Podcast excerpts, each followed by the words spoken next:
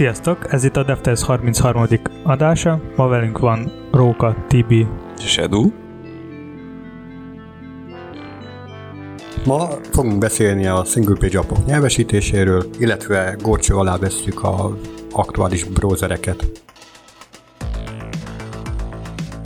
Hoztál nekünk egy System Font stacket. Na mesélj erről, mit kell róla tudni? Az első weboldalak elég egyszerű voltak, tehát sima HTML volt ott, és amikor beindult a CSS divat, akkor egyre több igény volt, vagy egyre nagyobb igény volt megtervezni a design a weboldalaknak. Mindenféle megoldás volt, tehát hogy nem csak a színekkel, meg méretekkel próbáltak ezt megoldani, hanem és elkezdték használni saját fontokat. Ezzel amúgy igazából több probléma van most is. A legfrissebb böngészőkben vannak ilyen feature ami segítenek használni saját fontokat, viszont régebben ez eléggé problémás volt. Például voltak ilyen bizonyos oldalakon lehetett látni, hogy először bejön jön a fehér oldal, aztán betölt a font, és, és aztán és csak azután fog látszódni a szöveg. Ú, ezeknek van szak kifejezés a nevükre. Ez a fout, meg foit, igaz? Igen. Szóval ez a flash of invisible text, meg flash of unstyled text, hogy amikor felvillan egyszer a, a dizájnolatlan szöveg, illetve hogy amikor üres oldal jön be, egészen addig, amíg a fontok le nem töltődnek. Ugye erről a két nem kívánatos jelenségről van szó. Pontosan. Aztán csomó más probléma van, például a ha, ha rasszul megírni a CSS-t, vagy használni a CSS, akkor lehet, hogy a font betöltés fog blokkolni az egész oldal renderelést. Plusz közben, ha rasszul van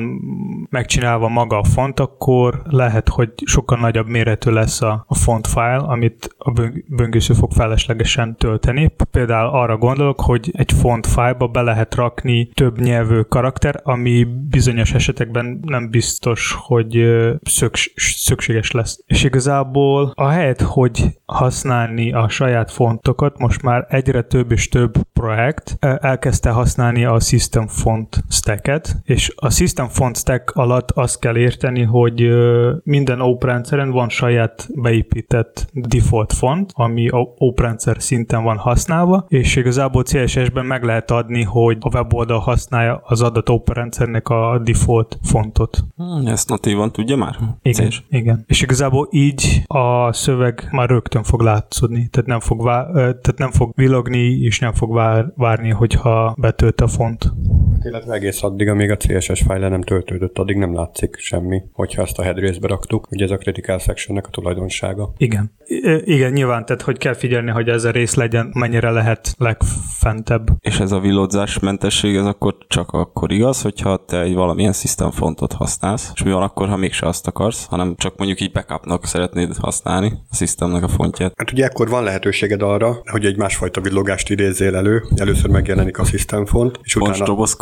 Nem, és utána fog majd bevillanni a rendes font, amikor letöltődött. Ez ugye az, amikor a úgynevezett flash of unstyled text nevű metódus hajtódik végre. De ezt is, hogyha jól beméretezed a system fontot, akkor nagyon minimális ugrás lesz ilyenkor. Illetve, hogyha szépen használjuk a cache hogy az előző adásban is említettünk, beszéltünk a cache kontrollról, akkor ez csak leges legelső látogatáskor okozhat problémát. Hát vagy ugye ilyenkor ajánlott olyan, általában olyan fontokat használni, amik elterjedtebbek neten, más oldalakon is, és akkor az lehet, hogy már cashből eleve betölt. Van rá esélyed, hogy már más oldalon meglátogattad, persze erre külön garancia nincs. Csak ezzel az a baj, hogy ilyenkor kell használni a Google Fonts, és kell használni Google Fontos URL-t, amit korábban is beszéltük, ez nem biztos, hogy jó minden projektbe így használni. Nem safety, vagy nem biztonságos? Például igen, ez is egy oka. A másik az, hogy a világásra lehet használni a font display, ott több megoldás is van, hogy hogy lehetne bekapcsolni a fontot, fontot viszont szerintem most már nem is annyira divat használni a saját fontokat. Ahogy, ahogy kezdtem, hogy már egyre több és több projekt használja a system, vagy a beépített font, például GitHub is ott van. És az abból szempontból jó, hogy a UX nem eltér az oprendszertől ilyen szempontban, vagy legalább szöveg részben. De ezt gondolom annak is köszönhető, hogy a beépített fontok azok most már egy kicsit szélesebb skálán mozognak, mint a Arial meg Verdana. Igen, amit néztünk is egy képet, ahol volt összehasonlítva talán Windowsos, Mac-es, meg Linuxos fontok, az nagyon hasonló voltak, tehát ott nagyon minimál eltérések voltak, ami szerintem általános felhasználó nem biztos, hogy fog észrevenni bármit különbség, viszont designer nyilván, hogy fog. És ez mennyiben különbözik, különbözik attól, amikor ugye te használsz egy ilyen custom fontot, és ugye mellette megadsz egy ilyen font típust, ilyen backup ágként, hogy amíg, ha mondjuk, ha, vagy ha nem tudod letölteni azt a egyedi fontot, vagy amíg nem tölt le az egyedi font, addig ugye megmond, hogy milyen típusú font legyen a, úgymond a backupja a, a te fontodnak, típusodnak. Itt ugye a sans serif, meg ilyesmire gondolok. Tehát ez mennyiben különbözik attól, ez a system font, mint, mint az? Mert azt is elvileg, ha jól tudom, a, a, az adott oprendszeren levő fontokkal próbálja ő replace-elni. Hát a sans serif, meg Arial például, az csak azok a fontok, amik majdnem minden oprendszeren benne vannak, csak ez nem default. A system fontok az olyan fontok, ami az OP rendszeren van használva. Tehát, hogy mondjuk egy, nem tudom, Explorerben, nem tudom, File Managerben, ott egy beállítások menübe, az OP rendszernek a kontext menübe. Szóval azok a fontok, ami OP rendszer szintű van használva. Viszont Arial meg a az nincs használva ott. És hogy definiálod ilyenkor CSS-ben ezt, hogy te most system fontot szeretnél használni? Csak így röviden, mert amúgy elvileg rövid is a dolog. Kell ismerni a mindegyik OP rendszernek a fontnak a nevét, de hogy így röviden, akkor a font family-be kell felvenni egy ilyen listát, hogy Apple, Apple System, Blink Mac System font, valamint Segua UI, Roboto, Helvetica, Arial is van itt, Sans Serif, Apple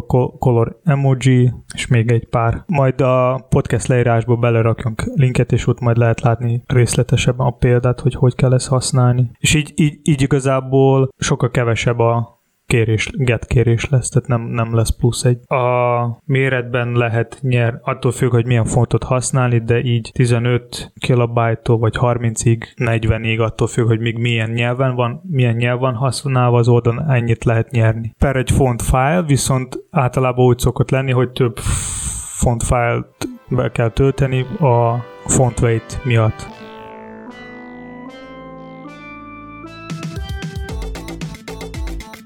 Róka, tudsz nekünk mesélni egy kicsit, hogy miért nem érdemes használni a moment ilyest? És egyáltalán elmondani, hogy mi ez a moment ilyes? Van az a data object JavaScript-ben, biztos hallottatok rá róla mindenféle jót és rosszat. Hát eléggé kacifántos ezt használni, kezdve azzal, hogy nem másodpercben méri az időt, mint ahogy a legtöbb programnyelven szokás azt az idők kezdete óta, tehát 1970. január óta, hanem éppen pont ennek az ezerszerese millisekben méri az időt. Ez egyik furcsaság. Másik furcsaság, hogy például a hónapok azok nullától számozódnak, még a napok azok egytől. Hát vannak benne ilyen, ilyen kacifántos dolgok. De hogyha az ember tudja ezeket kezelni, akkor akkor igazából nem, nem egy bonyolult történetről van szó.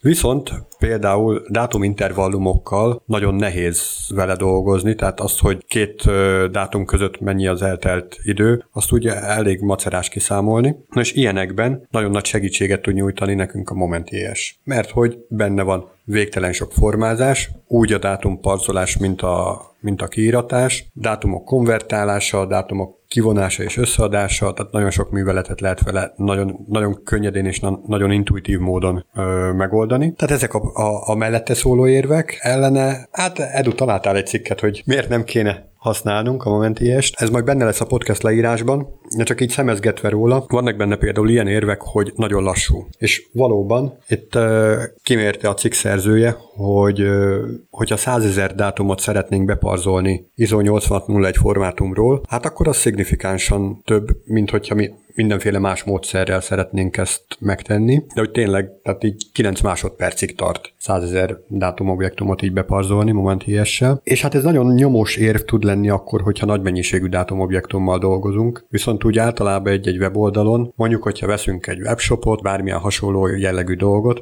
kiírjuk, hogy termék meddig akciós, ezt az egy dátumot beparzolni, 900 ezer másodperccel tudnánk gyorsítani a weboldaltnak a működését, hogyha nem használnánk moment ilyest, hanem helyette valami más alternatívát használnánk, nem biztos, hogy megéri. Ellenben, hogyha nagyon nagy mennyiségű dátumokkal dolgozunk, tehát egy dátumokat tartalmazó adatbázissal, kliens oldalon, hiszen biztos van, akinek erre van ingerenciája, ott már eleve a százezer adatnak a megjelenítése is problémás lenne, de hogy ennek a bepazolása, hogyha erre van szükség, akkor érdemes a Moment IS helyett másikat választani. Ugyanígy a méretre is hoz tök jó példákat, az is Moment IS esetén több mint 200 kilobájt maga a libnek a, a, a mérete. Na és itt a, az összehasonlításban szereplő összes többi ilyen util az sokkal kisebb ennél. Hát a legkisebb az 6 kilobájtos, azért az elég nagy, nagy különbséget jelent. Hát itt is mérlegelni kell, hogy pontosan ki a célközönség, mert hogyha a célközönségünk jellemzően vezetékes vagy optikai hálózaton kapcsolódik az internethez, vagy mondjuk egy internetes szájtot készítünk, ahol nagyon gyors elérésű internetre van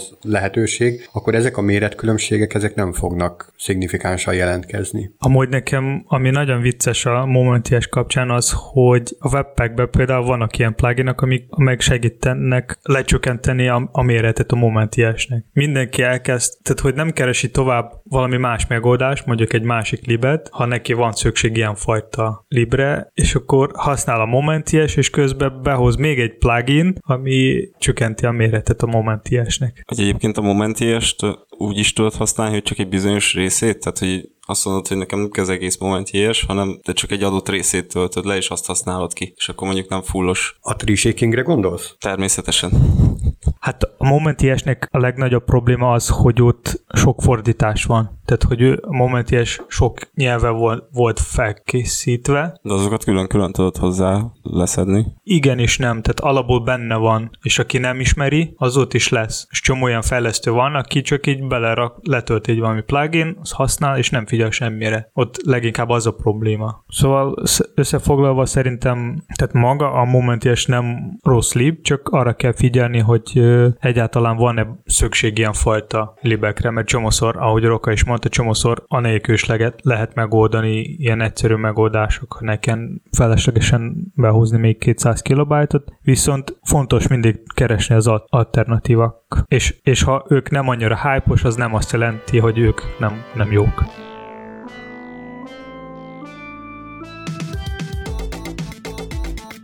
Edu, hoztál nekünk egy Forma 1-es weboldalt, illetve a weboldalaknak a Forma 1-es versenyét. Mi ez pontosan, mi van rajta? Hát igen, ezt a cikket a Jake Archibald írta, és ő Google fejlesztő evangelista, és szóval őt nagyon érdekel a Formula 1 és ő kitalálta magadnak fel, kimérni, hogy, hogy, hogy melyik weboldal a Formula 1 között leggyorsabb.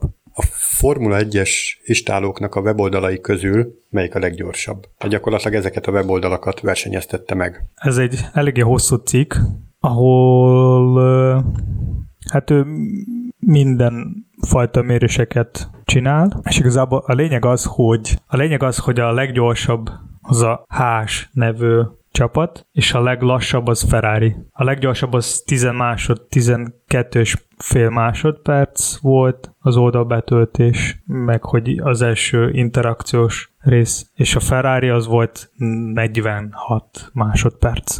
Az eléggé sok. A pályán nem ezt az eredményt produkálják, ott valahogy más eredmény szokott kialakulni, ott a Ferrari sokkal előrébb. Gondolom hogy azért, mert nem egy ember fejleszti az oldal, mint egy sofőr vezeti egy kocsit.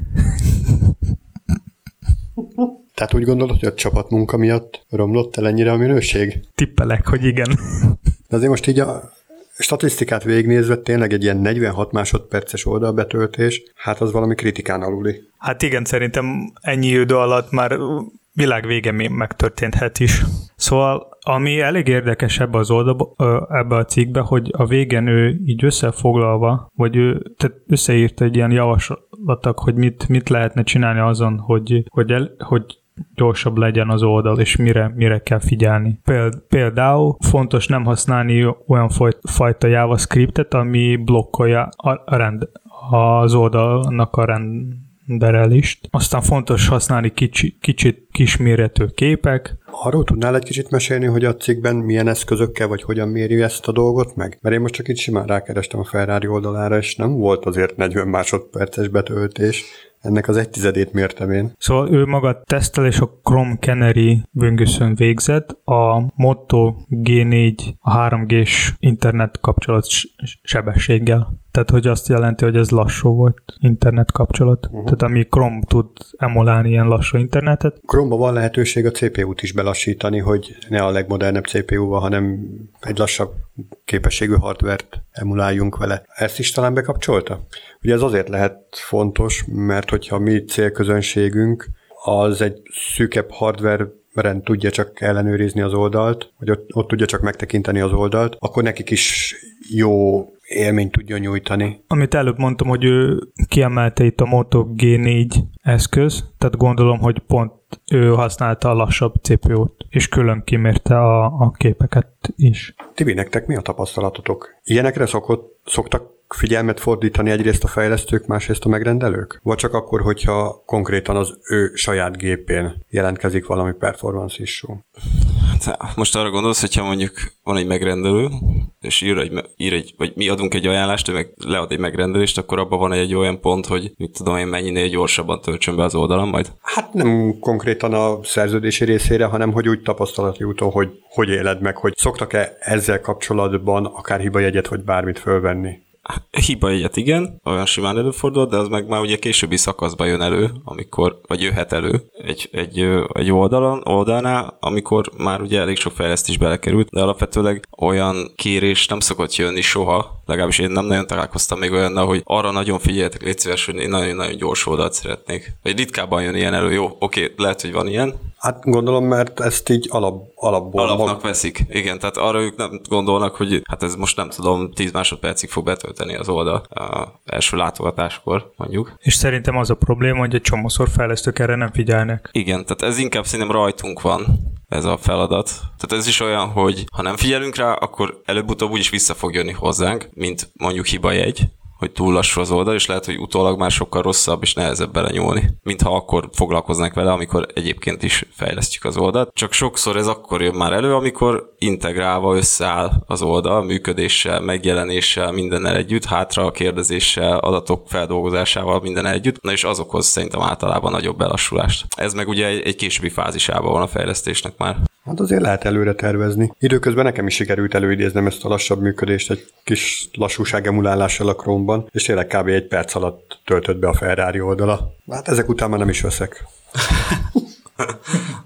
ha már lassan betöltő weboldalakról van szó, akkor van egy olyan kis apróság, hogy a chrome vagy tehát, illetve hát a Google kiadott eh, Chrome egy olyan featured, aminek az a neve, Chrome Light Pages, ami tulajdonképpen azt tudja, hogy ha te mondjuk a mobilodon netezel, és Chrome-ba egy oldalt el akarsz érni, akkor vizsgálja, hogy neked milyen a, a sávszélességed, milyen erősségű, és van egy tűrés határ, amit ők azt mondják, hogy ez a, ez a 2G körüli e, tűrés határ, hogyha olyan vagy annál gyengébb a sávszélességed, akkor ők automatikusan optimalizálják az oldal betöltést, tehát figyelnek olyan dolgokra, hogy vagy úgymond így, így letiltanak olyan dolgokat, amik nagy mértékben lassítják az oldal betöltését, tehát automatikusan felgyorsul még egy gyenge hálózaton is az oldalat betöltése.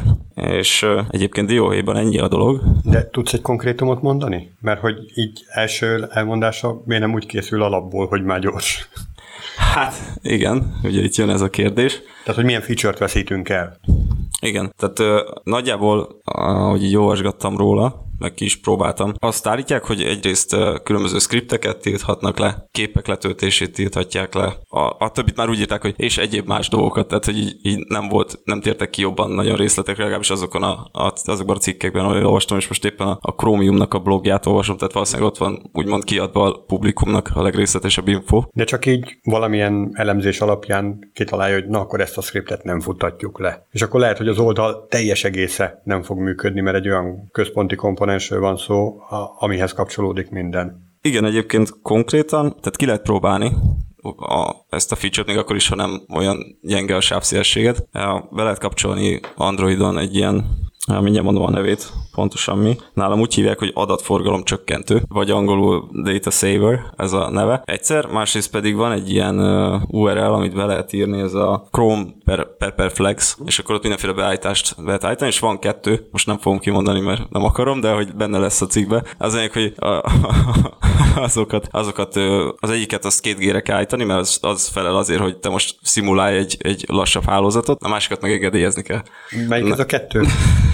Igen. Force Effective Connection Type. Ez lesz a 2G, a másik pedig a Ignore Preview Blocklist. Azt kell engedélyezni. Vagy legalábbis én ezeket engedélyeztem, és akkor új lehet tölteni az oldalt, amit korábban mondjuk már megnyitottál a, a, a böngészetben, és most éppen az egyik telekommunikációs cégnek nézem az oldalát. A, és, és mit tapasztalsz? Mi azt tapasztaltam, igen, tehát azt nem látom nyilván, hogy mit tiltott le, leszámítva azt, ami látványos. Tehát az egyik az az, hogy itt van egy ilyen nagy promó az oldal tetején, ami, amit valószínűleg nagy képpel dolgozik. Na azt alapból már nem mutatja. Ja, a, meg mindenek előtt ilyenkor jelzi fönt a URL sávba, vagy nem tudom, minek hívják ezt. Ha a magyarul nézzük, akkor azt írja, hogy egyszerű ami azt jelenti, hogy ez egy leegyszerűsített oldal. Ez olyasmi, mint a csökkentett mód gondolom windows -ba. Angolul meg light, azt írja, hogy light. Na, és az a lényeg, hogy itt például most a képet nem mutatja, az oldal egyébként tényleg gyorsan töltött be. És igen, tehát ugye van itt egy sütisáv, na azt például nem tudom elfogadni. Tehát hiába nyomok rá, hogy rendben, nem fogadja tehát ezek szerint nyilván a, az, ahhoz tartozó scriptet is letiltotta, de például egy menüt akarok kinyitni, már az sem működik. Lehet, hogy az összes scriptet letiltotta az oldalon. De akkor az azt jelenti, hogy a JavaScript heavy weboldalak már nem fognak működni. Igen. Tehát itt az a kérdés, hogy például egy, egy SPA az hogy fog működni. Hát a single page appnak annak, tehát az, azt meg lehet anélkül is csinálni, hogy JavaScript nélkül eltörjön. Értem. Tehát arra egy kicsit jobban kell figyelni, és ak- akkor tud az anélkül is működni, tehát nem, nem erről van szó, hanem valójában a modern framework által diktált irány, tehát mit tudom, egy React, vagy Anguláros, vagy egy Vue-s oldal, ami arról szól, hogy magában a HTML-ben nincsen szinte semmi, és a JavaScript rakja össze. Tehát, hogy ilyen oldalak esetén a Google által meghatározott irány, amit ők jóknak, jónak gondolnak, az így ne, nem ugyanaz, tehát nem egy irányba mutat. Tehát hát, egymással szembe mennek. Igen, tehát itt ez most tökéletesen csak arra jó, hogy te statikusan tudod nézegetni a, az oldalt, de semmiféle működés nincs rajta. Sőt, ez olyan szinten is egymással szembe megy, hogy a, például az Angular az a Google terméke. Igen. Csak ha megnézzünk, ha valaki szeretné optimalizálni egy oldal, és sima statikus, már abban a szempontból statikus, hogy nem lesz ott egy JavaScript, hanem sima HTML, és kevésbé CSS, akkor szerintem az már tök felesleges egy ilyen fajta technológiának, ami fog itt gyorsítani bármit is. Mert alapból HTML és CSS kicsi. Lehet előre optimalizálni. Tehát ezt kérdeztem az elején is, hogy miért nem alapból gyorsan készül el. Mert mint hogy nem gyorsan készül el, hanem úgy készül el, hogy gyorsan töltődjön be. Egyébként tudtak valamilyen oldalt, ami SPA? Mert azt így megnézhetnénk. Hát a hallgatóink nem látják, ott lesz a leírásban a link. Betöltöttünk egy ilyen Angular 5 készült oldalt, ami hát desktopon nem túl gyors, nem túl lassú, ilyen átlagosnak tekinthető. Hát mobilon egyáltalán nem jött be. Mobilon először betöltöttem, akkor ott pörgettyűzött, meg mindenféle loader volt, és aztán bejött a content. Aztán újra töltöttem egyszerű módba, vagy light módba, akkor már csak annyi látszik, hogy, hogy, hogy az oldalnak a felső sávja, és lent semmi. Tehát ilyen tök üres az oldal, nem működik a kereső, meg tehát semmi funkcionalitás nem működik rajta. Úgyhogy hát ennyi. Tehát, hogy ez, ez, ez ezt nagyon nem támogatja az ilyen típusú oldalakat. Szerintem itt még egy másik probléma az, hogy a, a böngészők kitalálnak a fejlesztők helyett, hogy mit kell optimalizálni az oldalon, ami nem biztos, hogy jó. Tehát leginkább ezt kell a fejlesztőknek erre figyelni, hogy gyors legyen az oldal. Igen, de szerintem ez nem is az élet kitalálva, mert nyilván nem minden esetben fog ez bekapcsolni, amikor te használsz, meg eleve engedélyezned kell, hogy, hogy Hát úgy fog bekapcsolni, ahol van egy gyenge Android eszköz, és ahol van egy gyenge internet, igen, mondjuk hát Indiába. igen. És a, a Google arra céloz, hogy legyen nekik több felhasználó, és lehessen több eszköz eladni ott, ahol van rá szükség. Csak ezzel ők próbálnak optimal, optimalizálni olyan fajta, fajta dolgoknál, ami nem biztos, hogy jó. Már nem is biztos, hogy jó, hogy vannak ilyen oldalak, melyeket így kell optimalizálni. Hát nem jó, de mondjuk egy komplexebb oldal gyenge sávszélességen lehet, hogy kb. el is timeout mire betöltene. Annál jobb, mintha semmi nem jönne be, végül is. Hát azért kell használni NoScriptet. Legalább valami ja, fog igen, látszani. Igen. Egyébként a, még egy-két másik oldalt is megnéztem, amik kevésbé, kevésbé nagy tartalmat töltenek le, és inkább ilyen szöveges tartalma oldal, azokat, azokból képeket se szedtek ki. Tehát, hogy ez így, jó, ugyanúgy nem működtek a, a menü gombot nyomni, meg ilyenek, de, de például olvasni, ugyanúgy lehetett az oldalt.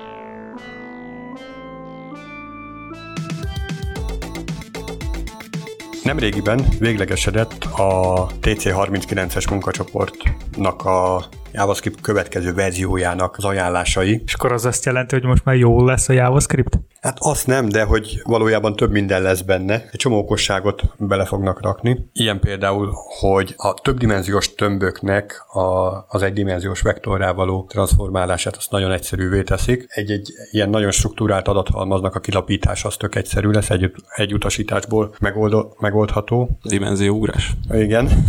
Akkor például szintén a tömbökhöz kapcsolódik a tömböknek a rendezése. Korábban ez bagos volt olyan szempontból, hogy az olyan tömbelemek, amik egyébként egyformának tekintendőek, mondjuk, hogyha csak számokat veszünk, akkor két tömbelemnek kettő volt a sorszáma, ami alapján rendezni kellett, akkor a korábbi szort metódus az hajlamos volt ezeket össze-vissza cserélgetni. Na, az új algoritmus az már következetesen működik, és nem fogja csereberélni ezeket a tömbelemeket. Az lehet, hogy direkt így volt. Hát lehet, hogy egy feature volt, nem pedig egy bug, és most fog magosan működni. Akkor például JSON file-ban voltak olyan karakterek, amiket egyszerűen nem lehetett ábrázolni, vagy szekvenciákat. Ezeket is bővítették, hogy most már több mindent lehet benne csinálni. Egyszerűbb lesz ilyen kulcsértékpárokból adatokból, listákból objektumokat készíteni, illetve a stringeknek az elejéről, végéről lehet majd szelektíven levágni a whitespace karaktereket, és például trycatch hogyha érdektelen maga a kivétel, amit elkaptunk, akkor lehetőség lesz új úgy trycatch ágat készíteni, hogy magát az exception-t azt bele sem kell írni a catchbe,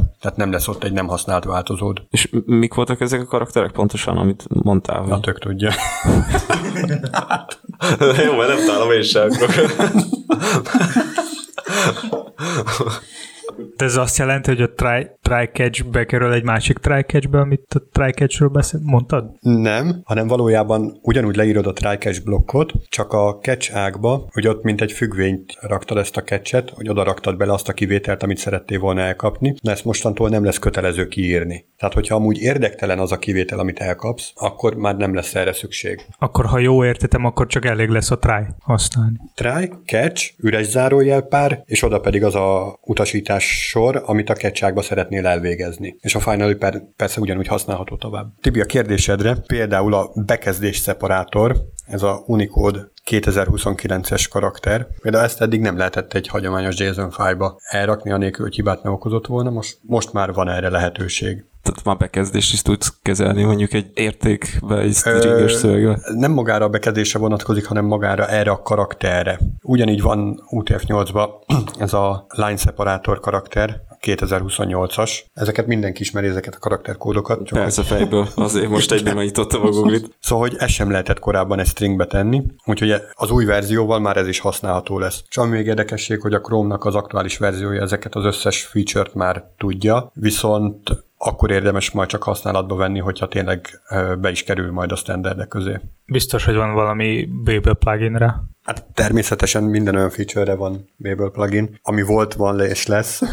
Az mondjuk egy külön másik kérdés, hogy ezt a Babel plugin azért kell használnunk, mert ténylegesen a támogatandó böngészők azok igénylik, vagy pedig azért kell használnunk, mert más pluginek nem képesek újabb fajta JavaScript-tel dolgozni. Mert hogyha az utóbbi az eset áll fenn, az inkább nagyobb probléma, a bildelési folyamatban. Hogyha az első eset áll fenn, tehát hogyha olyan célközönségünk van, hogy teszem azt ilyen 6-7 akármilyen verzióban kell megjelenítenünk az oldalt, akkor persze nagyon fontos ezeknek a Babel plugineknek a használata. Viszont, hogyha csak olyan célközönségünk van, akik a legújabb browsereket használják, és esély sincs arra, hogy mondjuk ilyen old school browserben használjuk, akkor semmi értelme nincs ezeknek a Babel plugineknek a használatoknak.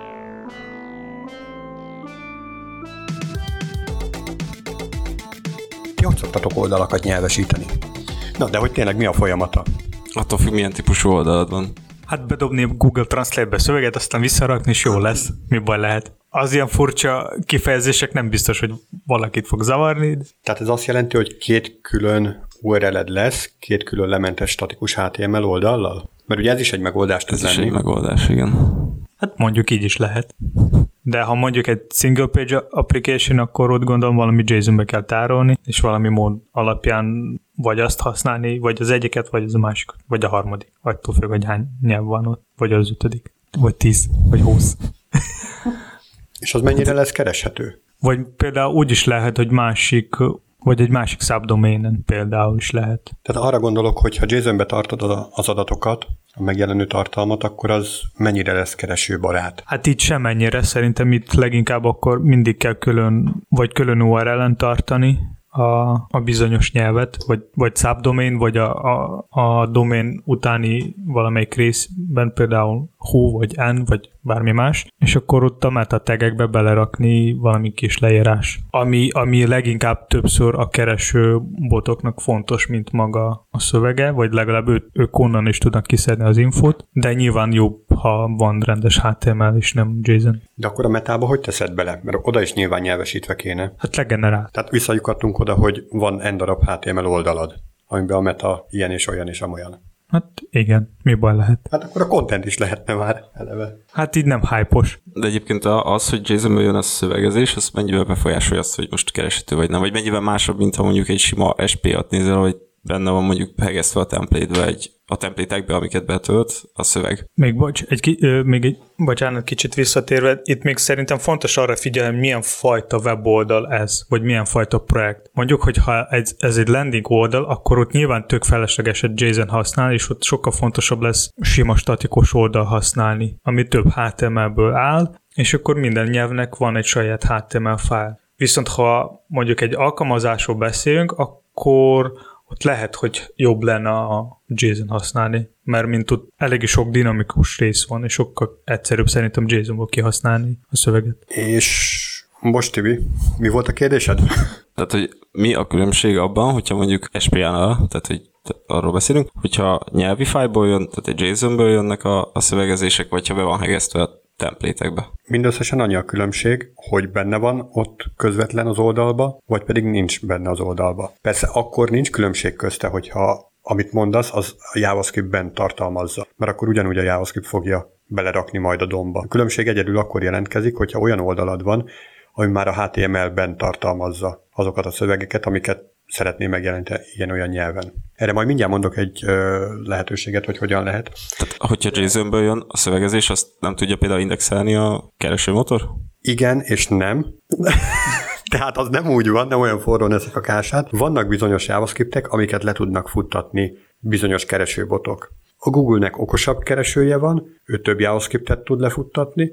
Most például pont rákerestem egy ilyen tartalomra, Bingbe még nyoma sincsen annak a annak a kereső szónak, ami csak ilyen dinamikusan áll elő, de Google-ben pedig ott van. Minden nap Binget használsz? Most ehhez a kereséshez használtam, kipróbáltam.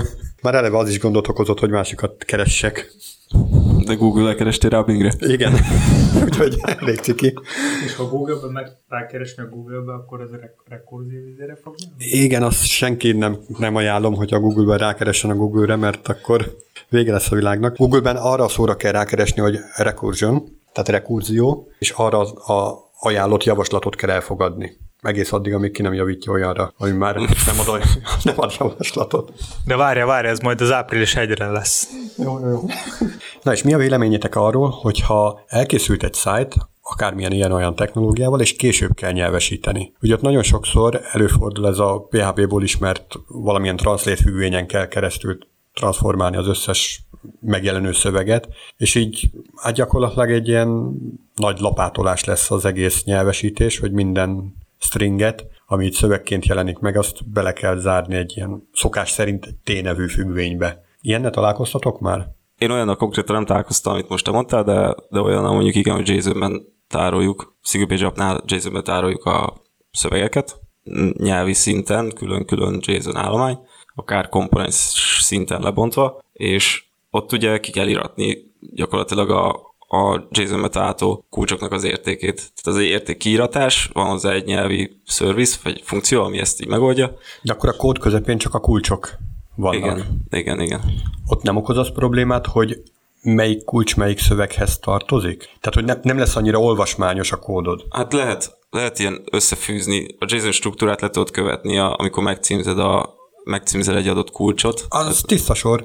Csak hogy maga a kulcs, az me- mennyire tud olvasmányos lenni. Mert ugye akkor lenne a legolvasmányosabb, hogyha maga a kulcs az egy az, az a mondat lenne, mint amit ki szeretnél írni. Ja, értelek, hogy mire gondolsz. Hát...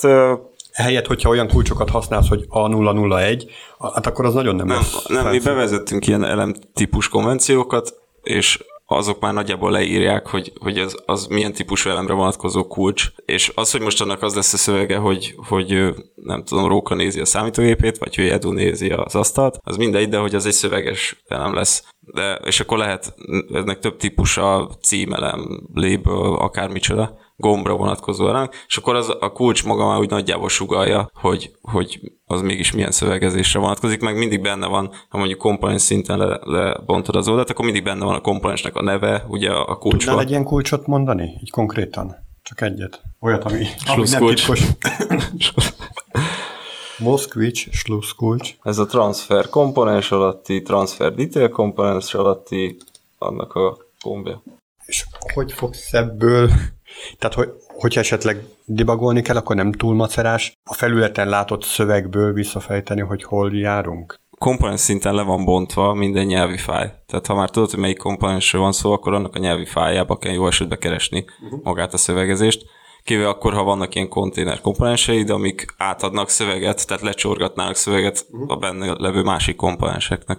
Hát akkor mindenképp valamilyen indirekción keresztül tudsz eljutni a végeredményig, hogyha majd esetleg debugolnod kell. Igen, tehát nem a template-be találd meg a szöveget, hanem a template melletti nyelvi fájba. És gondolom, ezek a kócsok a build nem szoktak minifájolni. Mármint az abból szempontból szerintem fontos lenne, hogy ha sok ilyen kulcs string lesz a kódba, akkor lehet, hogy nagy méret lesz a a végén a bundle, vagy nagy méretű lesz a bundle a végén emiatt? Hát több mint biztos, hogy nagy méretű lesz. Szinte biztos nem, mert ezek property, property nevek. De egyébként olyan szinten lehet, tehát optimalizált úgymond a, a de olyan szinten optimalizálja a dolgot, hogyha mondjuk van két JSON fájlod, nyelvi JSON, és mind a kettővel megadsz ugyanolyan kulcs értékeket, illetve hát inkább objecteket, tehát ugyanaz a neve, és azokon belül vannak kulcsértékpárok mondjuk, na akkor azt ő buildkor ő összevonja. Tehát nem kétszer rakja be azt az struktúrát, hanem a struktúrának a belsejét rakja bele egy adott struktúrába. Oké, okay, csak amit Edu kérdezett, az, hogy magának a kulcsnak a neve, most ugye elég hosszú kulcsot néztünk itt az előbb, az, az ilyen hosszú marad. Az igen. És hogyha van, mit tudom én, százezer szöveged az egész weboldalon, akkor az a száz karakter százezer, hát az úgy már combos. Igen, hát ez ugye az olvasmányosság miatt van, uh-huh. hogy most itt ilyen hosszú. Jó, csak jó lenne az, hogy mondjuk lenne egy ilyen eszköz, amit tudna ezen optimalizálni is. Mint mondjuk a CSS-ben CSS módusz, tudsz beállítani, hogy milyen legyen a, milyen legyen a hossz, klassz, tehát a végén, hogy milyen legyen a klassz neve. Vagy csak egy hash, vagy az egész name, amit tud használsz a CSS-ben. És milyen HTML templétet használtok? Tehát sima HTML-t írtok, vagy Sima HTML. Mondjuk EJS-t, vagy Pagot? Nem, nem, sima HTML. Pagot azt úgy is volt anguláros. Ez egy ilyen kutya? Igen. Ez a kis röfögős. Ez a kis röfögős kutya. Na ő ugye azt tudja, hogy nem nyitó és lezáró tegekkel operál, hanem behúzásokkal, és azt lehet vele elérni például, hogy soha többé nem fordul elő olyan probléma, hogy rossz helyen zársz le egy teget, mert hogy nincsenek lezáró tegek. De ezt csak azért hoztam be, mert például egy ilyen pag típusú, ami egyébként egy konkrét nyelv, ott lehetőség van arra, hogy egy ilyen post-process fázisban átalakítani a pakban definiált szövegeket nyelvesítésnek megfelelően. És ennek a kimenete, a végeredménye az lesz, hogy a a legenerált HTML-ben már eleve a nyelvesített szöveg van, ami szintén egy valamilyen JSON-ből fog feloldódni, viszont nem kliens oldalon, hanem vagy build időben, vagy szerver oldalon kiszolgálás időben, de lényeg az, hogy nem kliens oldalon, valamint, hogy nagyon keresőbarát, mert hogy ott lesz magában a HTML-ben. De ez nem tehát oké, okay, hogy pagot használsz, de az nem kérdés itt, hogy milyen framework dolgozol, mert az is befolyásolhatja, nem? Gyakorlatilag bármelyik framework támogatja az összes uh, HTML megjelenítésre képes dolgot.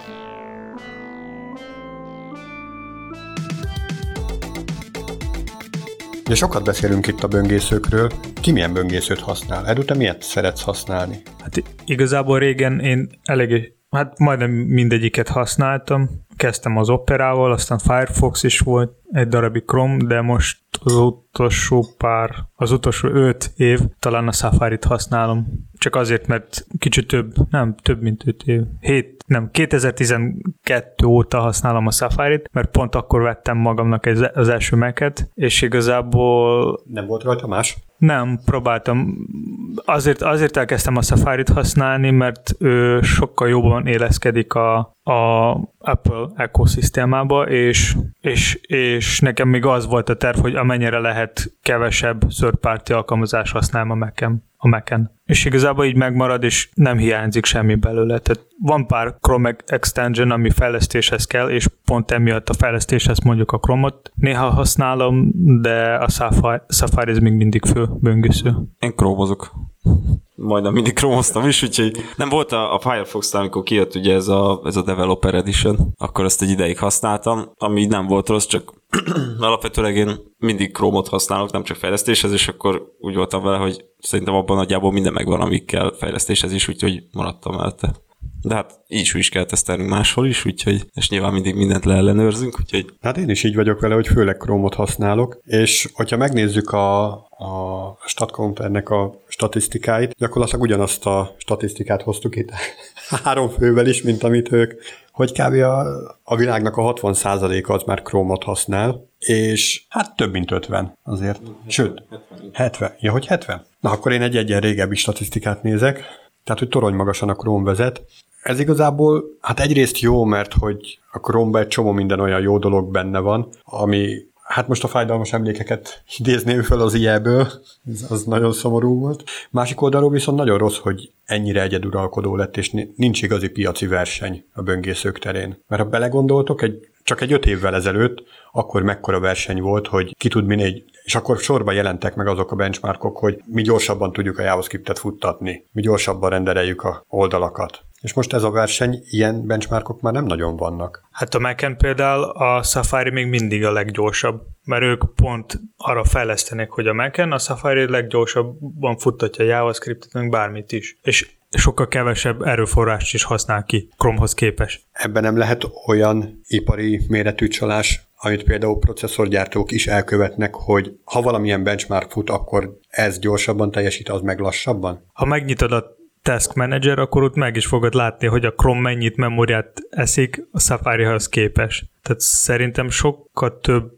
erőforrás kell maga Chromehoz, mint a Safari-hoz. Ez, ez többször látom is. És több, többször az én mac például melegszik a Chrome miatt, mint Safari-t. Tehát akkor inkább télen használod Chrome-ot. I- inkább kint kimegyek utcára, és akkor ott, amikor hideg van, és... Akkor miattad van a globális felmelegedés. Nem, hanem a Chrome miatt. A Chrome miatt, igen. Egyébként szerintem, ami kicsit furcsa, vagy szomorú, vagy nem is tudom, hogy mondjuk az inkább a Firefoxnak a hanyatlása, már nevezzük így, tehát azért ők százalékosan ők bőven feljebb voltak jó pár évvel ezelőtt, sőt, hát ugye a Chrome előtt voltak, aztán jött a Chrome, ha jól emlékszek, aztán volt egy nagyobb előzés, ez Chrome egyébként szerintem onnan, vagy annak köszönheti, hogy ennyire felfutott, mert ugye most már például a Android eszközökön is a legnagyobb részükön defaultból is az van. Nekem például az volt szimpatikus, hogy gyakorlatilag amikor föltelepíted, akkor nincs benne semmi. Kapsz egy címsort, meg egy új tabot nyithatsz, meg bezárhatod az egészet. Én nagyjából ennyit szeretnék egy böngészőtől, nem pedig, hogy mindenféle menükkel szórakoztasson, meg annyi lehetőséget kínáljon, hogy el is veszek benne. Na jó, de hát ez a Firefoxban is pont ennyi kávé. Hát most már az elején nagyon nem ennyi volt. Hát jó, de tehát engem ott vesztettek el. Egyébként a, ugye amikor volt egy nagyobb release a Firefox-éknak, mozilla és ott ugye elég jó gyorsulást elértek. Ez nem is olyan rég volt, nem tudom pontosan mikor. Tehát konkrétan érezhetően sokkal gyorsabban töltött be minden oldal, és én azt hittem, hogy ott egy kicsit feje fog ugrani a, a használata annak a böngészőnek, de hát nagyjából maradt a helyén. Szerintem ez inkább érzelmi alapon dől el most már. Hát igen. Amúgy az a vicces, a Safari az első release volt 2003-ba, és a Chrome-nak 2008-ba, de ha jó emlékszem, akkor a Safari akkor is volt minimál dizájnú böngésző. Na igen, viszont az első verziók egyáltalán nem voltak elérhetőek más oprendszerre. Tehát ez egy nagyon nagy piacvesztés volt az ő részükről. Hát a safari ott volt egy ideig, volt egy darabig elérhető Windows-on például, emlékszem is, nekem Windows gépen volt, és felraktam a Safari-t, és nekem nagyon tetszett. Aztán így volt. a Windows vagy a Safari tetszése. Mind a kettő.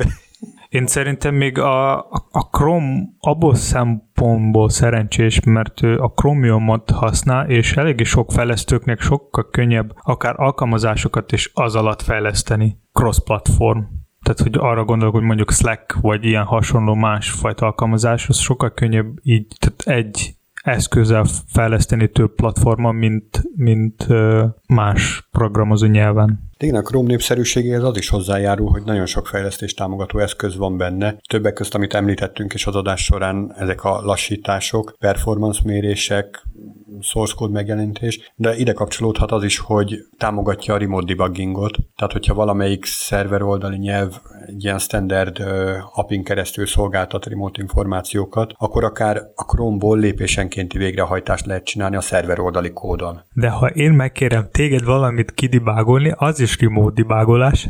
És lehet, hogy gyorsabban végzünk vele. Egyébként visszatérve erre a monopól helyzetre, hogy ugye most a, hát gyakorlatilag a Chrome kétharmados többségben van, Én nem annyira én nem érzem rajtuk, hogy nem fejlesztenék, tehát hogy emiatt tudja kevésbé fejlődne a maga a browser. Igen, csak a fejlesztésnek a, a fókusz az kicsit megváltozott. Tehát egy öt évvel ezelőtt nagyon sebességre volt optimalizálva, mert hogy nagyon nagy volt a piaci verseny, és azzal lehetett célközönséget nyerni, hogy nézzétek, most nekünk sokkal gyorsabb a browserünk, és egymás mellé tették a három browsert, vagy éppen négyet. Viszont most inkább feature tekintetében kerülnek elő újabb és újabb dolgok, mint amit múltkor is említettünk, ez a web autentikációs API, vagy ami ma volt erről szó, a JavaScriptnek az újabb feature-ei, az már mind-mind támogatott Chrome-ban.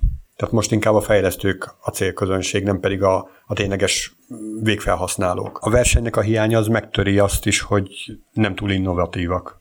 Tehát akkor sokkal több innováció kell ahhoz, hogyha nagyon éles a verseny, hogy valaki előre törjön. Most ez így már kicsit laposabb történet. Valószínűleg itt ebbe belejátszik az is, hogy most már azért mobileszközre is, most nem tudom, statisztikát összehasonlítanánk, nem tudom, hogy van-e ilyen, biztos van ilyen statisztika is, hogy összességében mobileszközökön mennyien neteznek, és abból milyen browsereket használnak, meg összességében nem mobileszközön mennyien neteznek, és ugyanez a dolog. Azért kíváncsi lennék.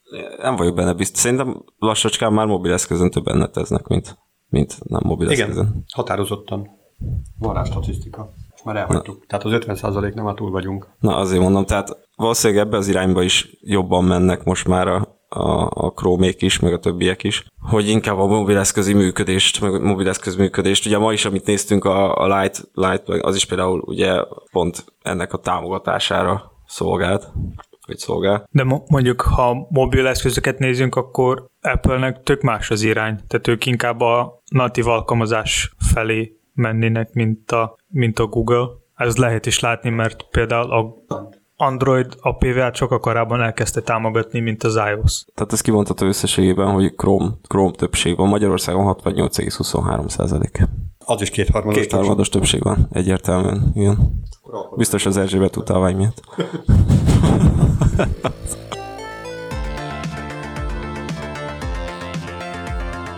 Ennyi fér bele a mai adásba. Írjátok nekünk Facebookon, Twitteren, ha van bármi kérdés vagy ötlet, és hallgassátok minket legközelebb is. Sziasztok! Sziasztok! Ciao.